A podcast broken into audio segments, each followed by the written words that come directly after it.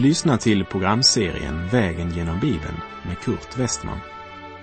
Programmet sänds av Transworld Radio och produceras av Norea Radio Sverige. Vi befinner oss nu i profeten Amos bok. Slå gärna upp din bibel och följ med. På vår vandring Vägen genom Bibeln så är det åter dags för en bok i det gamla testamentet. Och det är profeten Amos vi nu ska studera lite grann i de följande programmen. Amos var ingen heltidsprofet. Vi kan nästan säga han var bonden som kom till stan för att ropa ut Herrens budskap. Hans profetgärning skedde under den tid då kung Jerobeam den andre regerade i Israel och Ussia var kung i Juda. Så Amos levde och verkade vid samma tid som Jona och Hosea verkade som profeter i Nordriket och Jesaja och Mika var profeter i Juda. Amos proklamerar Gud som Herre över allt skapat och att alla nationer ska avlägga räkenskap inför honom. Och ju större kunskap en nation har fått, ju mera man fått höra om Gud, desto större är ansvaret. Gud kallar, men Gud tvingar inte någon att leva med Gud. Därför är det ditt hjärta Herren vill ha, inte en vettskrämd slav. Därför kan vi säga att vi finner den avgörande testen för en nation eller en enskild människa i Amos 3, vers 3. Vandrar väl två tillsammans utan att de kommit överens om det? Som många andra av Herrens profeter hade Amos en svår och otacksam uppgift när han i en blomstrande framgångstid skulle förkunna den Guds dom som skulle komma på grund av deras synd. Guds dom väntade de nationer som levde i överflöd och lyx, i en självisk konsumtion och gränslös omoral. Författaren, ja, vad ska vi säga om honom? Det närmaste jag kan komma en beskrivning av honom är landsortspredikanten som reste till stan. Låt oss bli personligt bekanta med denna Herrens tjänare. Och att bli bekant med Amos betyder att älska honom och att få en större förståelse för hans budskap. Redan i den första versen får vi veta att han kommer från Tekoa en stad i Juda bergsbygd som identifieras som staden Shirbet Tekoa som ligger cirka åtta kilometer söder om Betlehem på en höjd 800 meter över havet. Staden hade ett ökenlandskap på östra sidan som kallades för Tekoas öken men omgavs för övrigt av betesmarker. Där växte Amos upp vid dessa avsidesliggande betesmarker där han vaktade de jordar han som herde hade fått ansvar för. Men hans budskap, det ropades ut vid kungens kapell i Betel.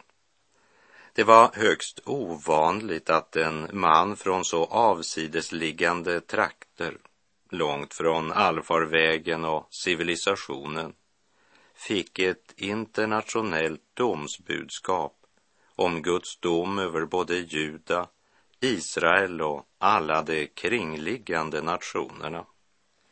En uppväxt isolerad på de avsidesliggande betesmarkerna i gränstrakterna till Tekoaöknen, men med en global världsbild där hans profetiska budskap omfattade oerhört många nationer, inte bara i dåtid, men även i en avlägsen framtid. Allt detta gör Amos till en anmärkningsvärd man som vi gör väl i att eh, bekanta oss med. Vi ser av vers 1 att han presenteras som en av herdarna från Tekoa och vad han skådade angående Israel när Ussia var kung i Juda och Jerobeam, Joas son, var kung i Israel två år före jordbävningen. Amos var född och uppväxt i Tekoa. Bara åtta kilometer från Tekoa så låg en liten stad som hette Betlehem, om vilken profeten Mika hade profeterat i Mika 5.2. Men du, Betlehem, Efrata, som är så liten bland judatusenden, från dig skall det åt mig komma en som skall härska i Israel.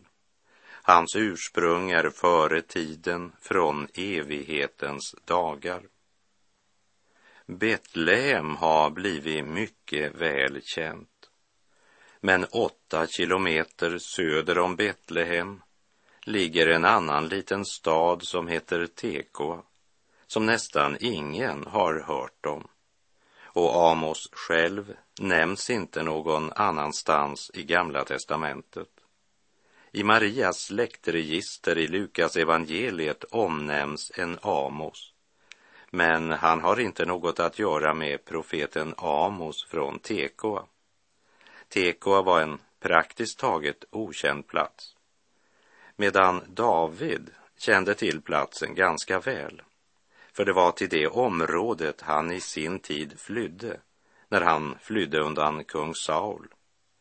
Tekoa ligger som jag nämnde i början av programmet på en höjd med utsikt över den ödsliga Tekoaöknen som sträcker sig helt ner till Döda havet. Men idag så har nationen Israel lagt en modern motorväg längs Döda havet som leder till Masada och i andra riktningen går den genom Arad och upp genom Hebron och Betlehem. Men den kommer aldrig i närheten av Tekoas ödemarker. Och jag är ganska säker på att de flesta aldrig har hört om Tekoa. Det var ungefär som den plats en man berättade om där han var född. Och han beskrev platsen så här. Först kör du så långt du kan komma med en traktor. Sedan går du till fots tre fyra kilometer. Och Tekoa var en sådan plats. Och på en sådan plats var Amos född. Och denna enkla herde kallas av Gud att gå till Betlehem och proklamera Guds dom över nationerna. Amos är verkligen värd att lära känna och värd att eh, lyssna till. För hans budskap kommer från Gud och har även något att säga till dig och mig idag.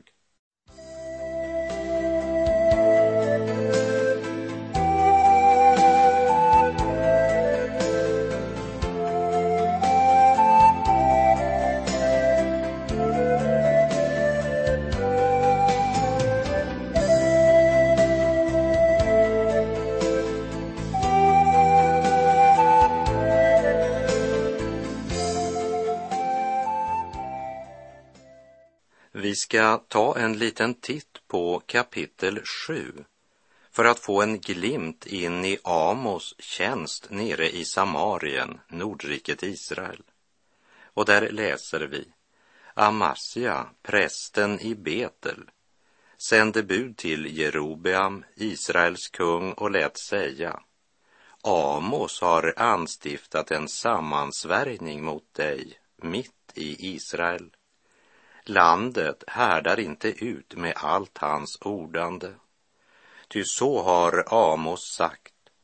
Jerobeam skall dö genom svärd och Israel ska föras bort i fångenskap från sitt land.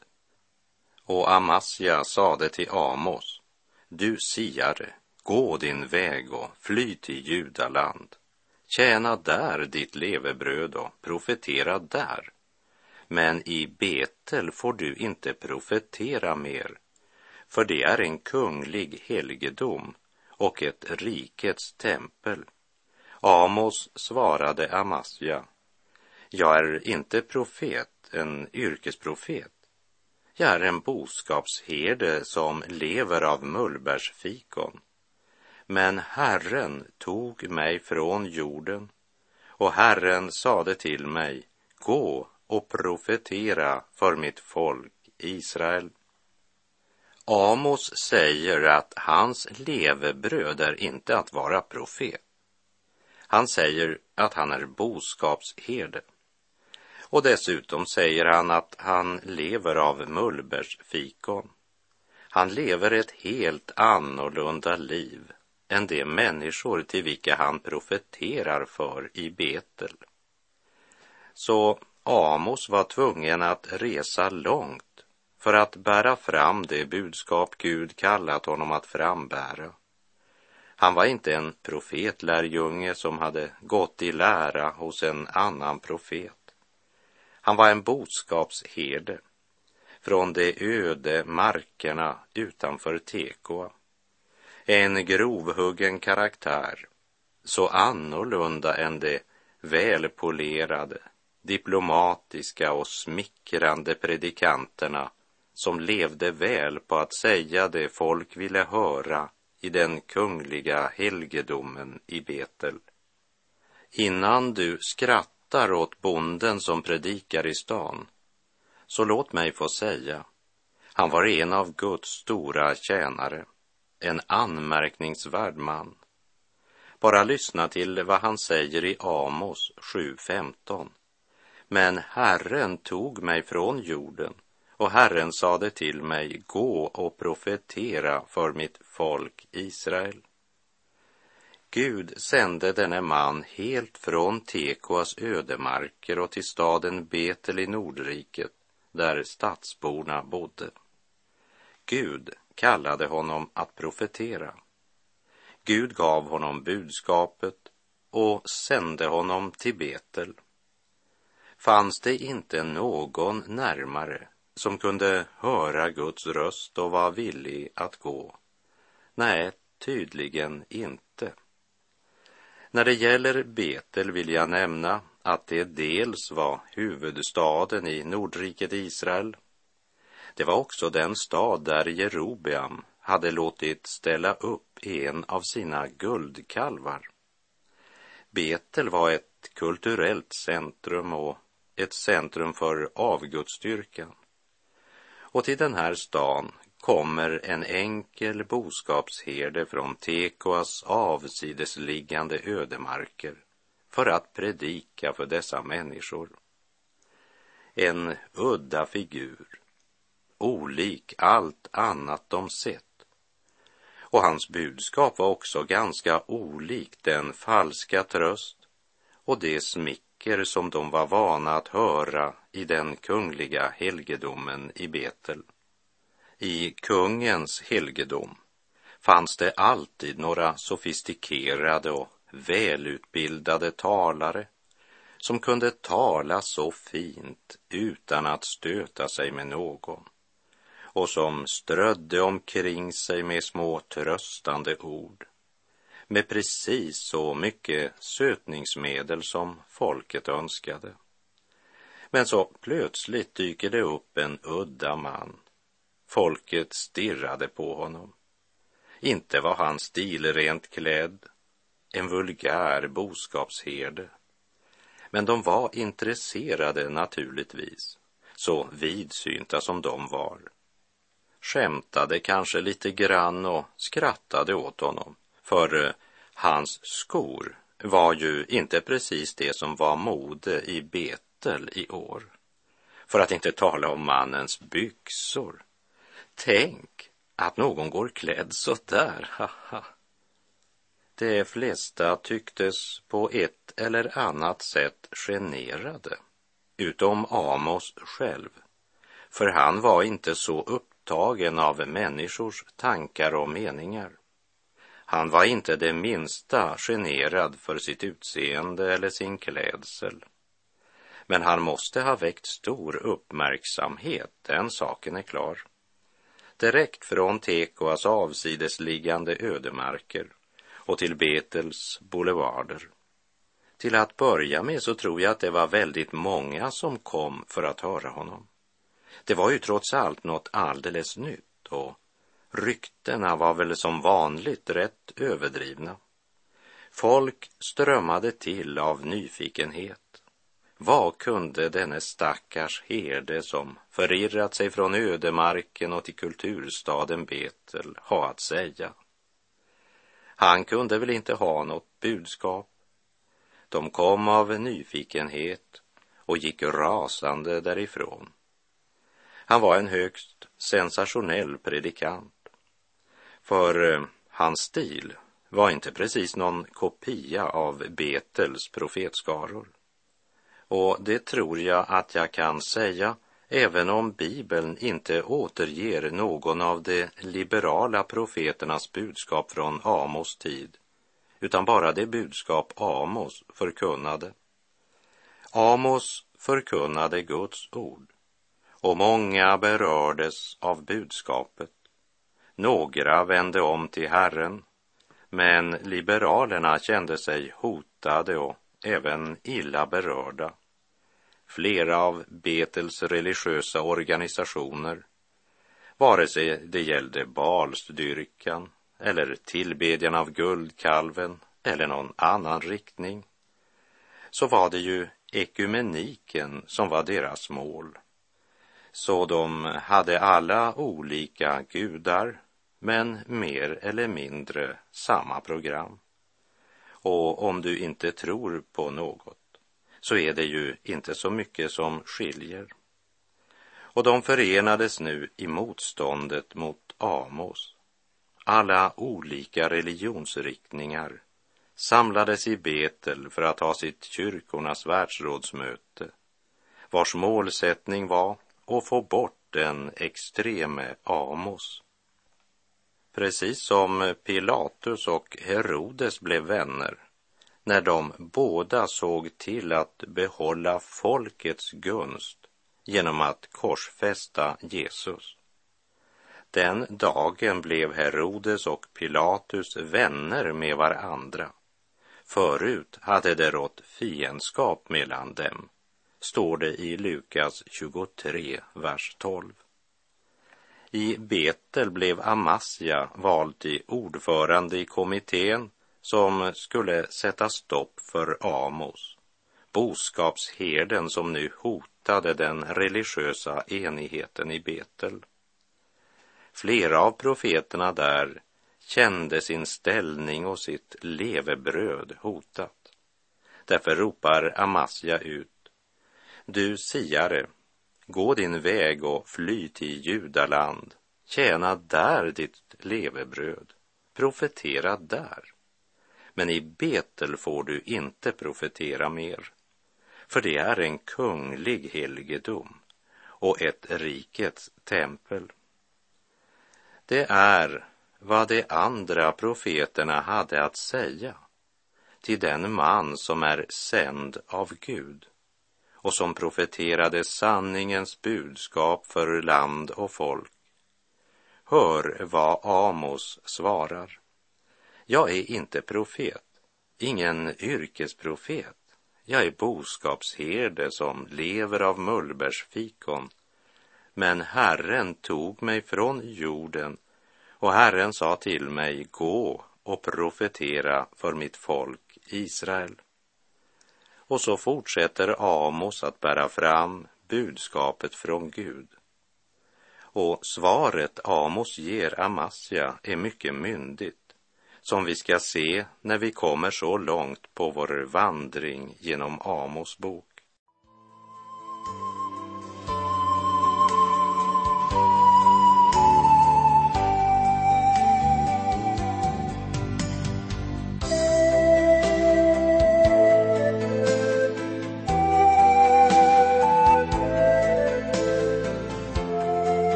Folket Israel med sin huvudstad Betel befann sig vid denna tid i en mycket stor materiell framgång. Men den var oerhört ojämnt fördelad. Där det otroligt rika girigt ökade sin rikedom på de fattigas och lidandes bekostnad. Egoismen var närmast gränslös. Men mitt i allt detta tog man ändå vara på tempeltjänsten, även om man inte tog vara på Guds bud. Lydnad och sanning ersattes av pompa och ståt, men deras hjärtan var långt ifrån Herren. Jerobeam hade ju satt upp två guldkalvar för tillbedjan, den ene i Dan och den andra just i Betel. Och genom detta närmast gjort kalvtillbedjan till statsreligion, samtidigt som man fortsatte med den yttre dyrkan av Israels Gud. De flesta var religiösa, men ingen brydde sig om Guds bud och Guds heliga vilja. Hur länge Amos verkade som profet vet vi inte med säkerhet. Men det mesta tyder på att hans officiella gärning blev ganska kort. Och mycket tyder på att avsnittet i Amos 7, verserna 12 till 15 markerar slutet på hans förkunnelse i Israel. Amos förkunnade sanningen. Han var en man sänd av Gud och han talade vad Gud hade uppenbarat för honom. Och eftersom Gud hade sänt honom till ett folk som hade avfallit från Herren så var ordet om dom mycket framträdande. Men profeten Amos förkunnade inte bara dom utan också frälsning. Men sanningen mötte motstånd, den gången liksom idag. Låt mig säga, om du verkligen håller dig till Guds ord och proklamerar dess sanning, så kommer du att möta motstånd. Nordriket Israel hade en mycket religiös fasad men även om fasaden är aldrig så imponerande så tränger Gud in bakom fasaden och dömer synden. Och det var uppenbart ingen av de välskolerade profeterna i Betel Gud kunde använda. Den som var öppen för att lyssna till Guds stämma och sedan redo att gå för att göra det Herren bad honom. Det var en enkel herde som kom från en avsidesliggande liten plats vars enda merit och auktoritet var, som det står i Amos 7.14. Herren sade till mig, gå och profetera för mitt folk Israel. Amos var en man som förkunnade Guds budskap. Och det var inget lätt budskap han fick att förmedla till det folk som hade vänt Gud ryggen och levde i religionsblandning och omoral. Religiösa aktiviteter fanns det gott om. Herrens namn användes flitigt, så den religiösa fasaden kunde ge intryck av att detta, det måste vara Guds folk. Men sanningen om deras högtider och gudstjänster var att Gud sa, jag hatar era fester. Jag tål inte era högtider. Och om deras lovsång sa Gud, ta bort från mig dina visors buller. Det var ett folk och en tid präglad av falsk frid, falsk tröst och en enorm religiös aktivitet blandad med gudlöshet, omoral och förakt för Guds heliga ord. Och förakt för den profet som förkunnade sanningen. Och det var till det folket Amos blev sänd. Avsnittet från Amos 1, vers 1 till kapitel 2, vers 3 handlar om Guds dom över de kringliggande nationerna. Amos 2, vers 4 till kapitel 6, vers 14 talar om Guds dom över Juda och Israel. Och i kapitlen 7 till och med 9 kommer visionerna, framtidshoppet. Amos, en man utan fruktan, som gick med ett budskap från Gud. Amos var inte bara en okänd man när han anlände till Nordriket Israels huvudstad Betel. Han är tyvärr ganska okänd än idag. Men med tanke på hans bakgrund så är det minst sagt fascinerande att tänka på Amos globala perspektiv. Först så talar han till de många kringliggande och närliggande nationer som fanns runt omkring Israel. Han talade till den tidens stora världsmakter och det är ju i sig inte något unikt. Även Jesaja, Jeremia och Hesekiel samt Daniel gjorde också det. Men de började med att uttala Guds dom över nationen Israel för att sedan ta upp temat angående Guds dom över de andra nationerna. Amos vände upp och ner på det konceptet. Han uttalade först Guds dom över de kringliggande nationerna och sedan Guds dom över Israel som vi ska se i nästa program. För eh, nu börjar tiden vara ute för den här gången. Och jag säger på återhörande om du vill och Herren ger oss båda en ny nådedag. Så ska vi i nästa program följa boskapsherden från Tekoa som reser till storstaden Betel för att ropa ut Herrens budskap. Hur i all världen ska det gå? Ja, det ska vi höra mer om i nästa program. Så med det säger jag tack för den här gången. Herren vare med dig, för det är genom hans ande det sker. Gud är god.